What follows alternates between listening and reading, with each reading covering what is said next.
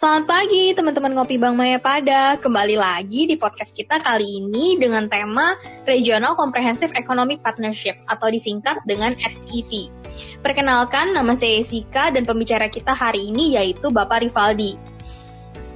Perjanjian dagang RCEP akhirnya ditandatangani oleh 10 negara ASEAN dan 5 negara mitra. RCEP merupakan blok perdagangan bebas terbesar di dunia. Kalian udah pada tahu belum asal-usul RCEP ini? Langsung aja yuk kita tanyakan ke narasumber kita hari ini. Pak Rivaldi, selamat pagi. Selamat pagi Jessica, selamat pagi teman-teman Bang Maya pada. Iya, jadi Pak Rivaldi boleh nggak ceritain sedikit asal-usul RCEP ini tuh gimana sih Pak Rivaldi? Oke, hari ini kita akan bahas mengenai Regional Comprehensive Economic Partnership atau yang disingkat RCEP. Ini uh, sedang hangat ya di perbincangan ekonomi di negara-negara Asia, terutama di Indonesia. Jadi begini, awal mulanya adanya RCEP ini uh, diawali dari Presiden Amerika Serikat yang lalu, Barack Obama, itu menciptakan yang namanya TPP atau Trans-Pacific Partnership. TPP itu merupakan perjanjian dagang antar 12 negara. Nah, dari perjanjian dagang tersebut diperkirakan akan mendapatkan kurang lebih 30 triliun US dollar PDB atau setara dengan 40% PDB dunia. Maka pada saat itu perjanjian ini sangat menjadi pusat perhatian. Kemudian Amerika memperluas lagi nih perjanjian ini dengan mengundang Australia, Peru, dan Vietnam. Nah, di tahun 2010, Amerika mengundang Malaysia untuk bergabung.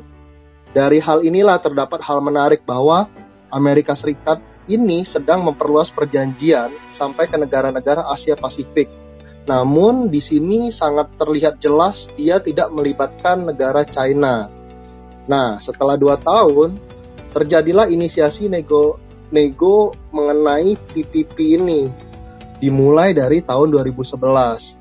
Cina mulai merespon nih bersama negara-negara ASEAN untuk menginisiasi kerangka kerjasama, yaitu RCEP atau yang kita kenal sekarang sebagai Regional Comprehensive Economic Partnership. Jadi secara singkat kurang lebih begitu sih ya usul uh, kisah awalnya ya terbentuknya perjanjian dagang RCEP ini. Nah, jumlah negara yang ada di dalam RCEP sekarang itu ada 16 negara dan terhitung hampir 30% dari PDB global. Dan para pelaku ini terdiri dari seperempat eksportir dunia. Di tahun 2012 terjadi peluncuran negosiasi RCEP di ASEAN. Nah, di sini China berusaha mengambil inisiasi nih untuk mendorong perampungan perundingan kerjasama ini. Dan pada akhirnya di tahun 2020 barulah terrealisasi. Hmm, gitu ya Pak Rivaldi sejarahnya ya. Oke Pak Rivaldi, boleh sih ceritain sedikit sebenarnya apa sih tujuan dari fakta dagang ini? Jadi sebenarnya tujuan daripada RCEP yang digadang-gadang sebagai kesepakatan dagang terbesar yang mencakup uh, eh, 2.1 million people ya dengan anggota RCEP ini menyumbang sekitar 30% dari PDB global. Ini tujuan dasarnya adalah menurunkan tarif serta untuk membuka perdagangan jasa. Di samping menurunkan dan membuka perdagangan jasa, ini juga akan mempromosikan investasi yang untuk membantu negara-negara emerging mengejalannya di kancah dunia. Jadi negara emerging ini akan dibantu nih untuk mengejar negara-negara develop market supaya nggak terjadi gap nih.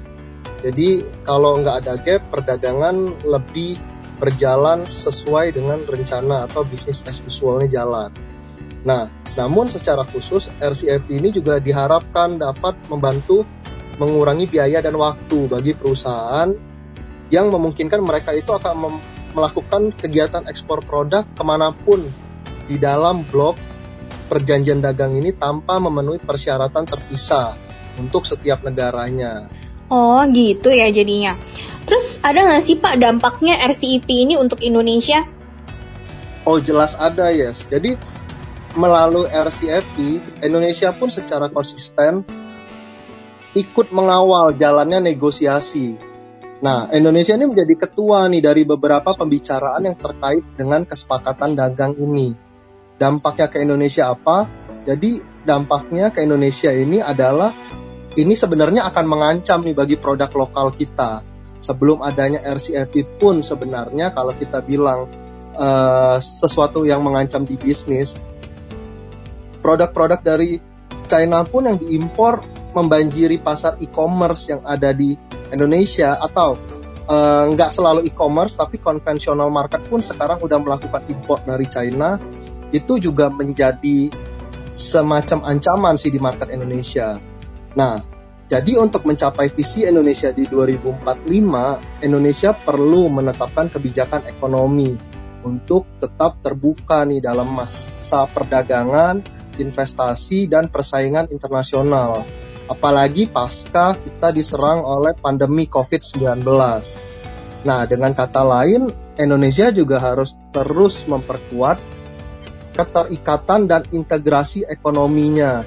Nah, ini yang menarik nih. Jadi salah satu upaya untuk mencapai tujuan akhir tersebut adalah melalui penyelenggaraan si perjanjian ini ya, hmm. RCEP ini.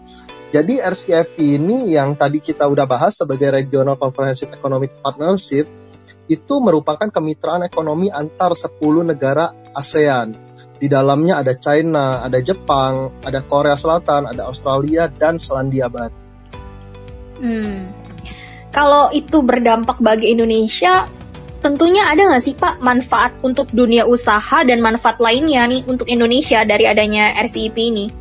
Oke, kalau kita bicara terhadap manfaat terhadap dunia usaha yang ada di Indonesia, RCEP ini diprediksi akan menjadi blok perdagangan bebas terbesar di dunia kan.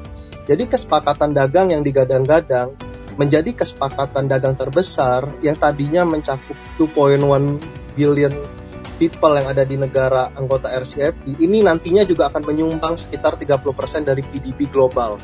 Serta yang sangat berdampak adalah foreign direct investment atau penanaman modal asing secara langsung itu sebesar 29.6% dari populasi global.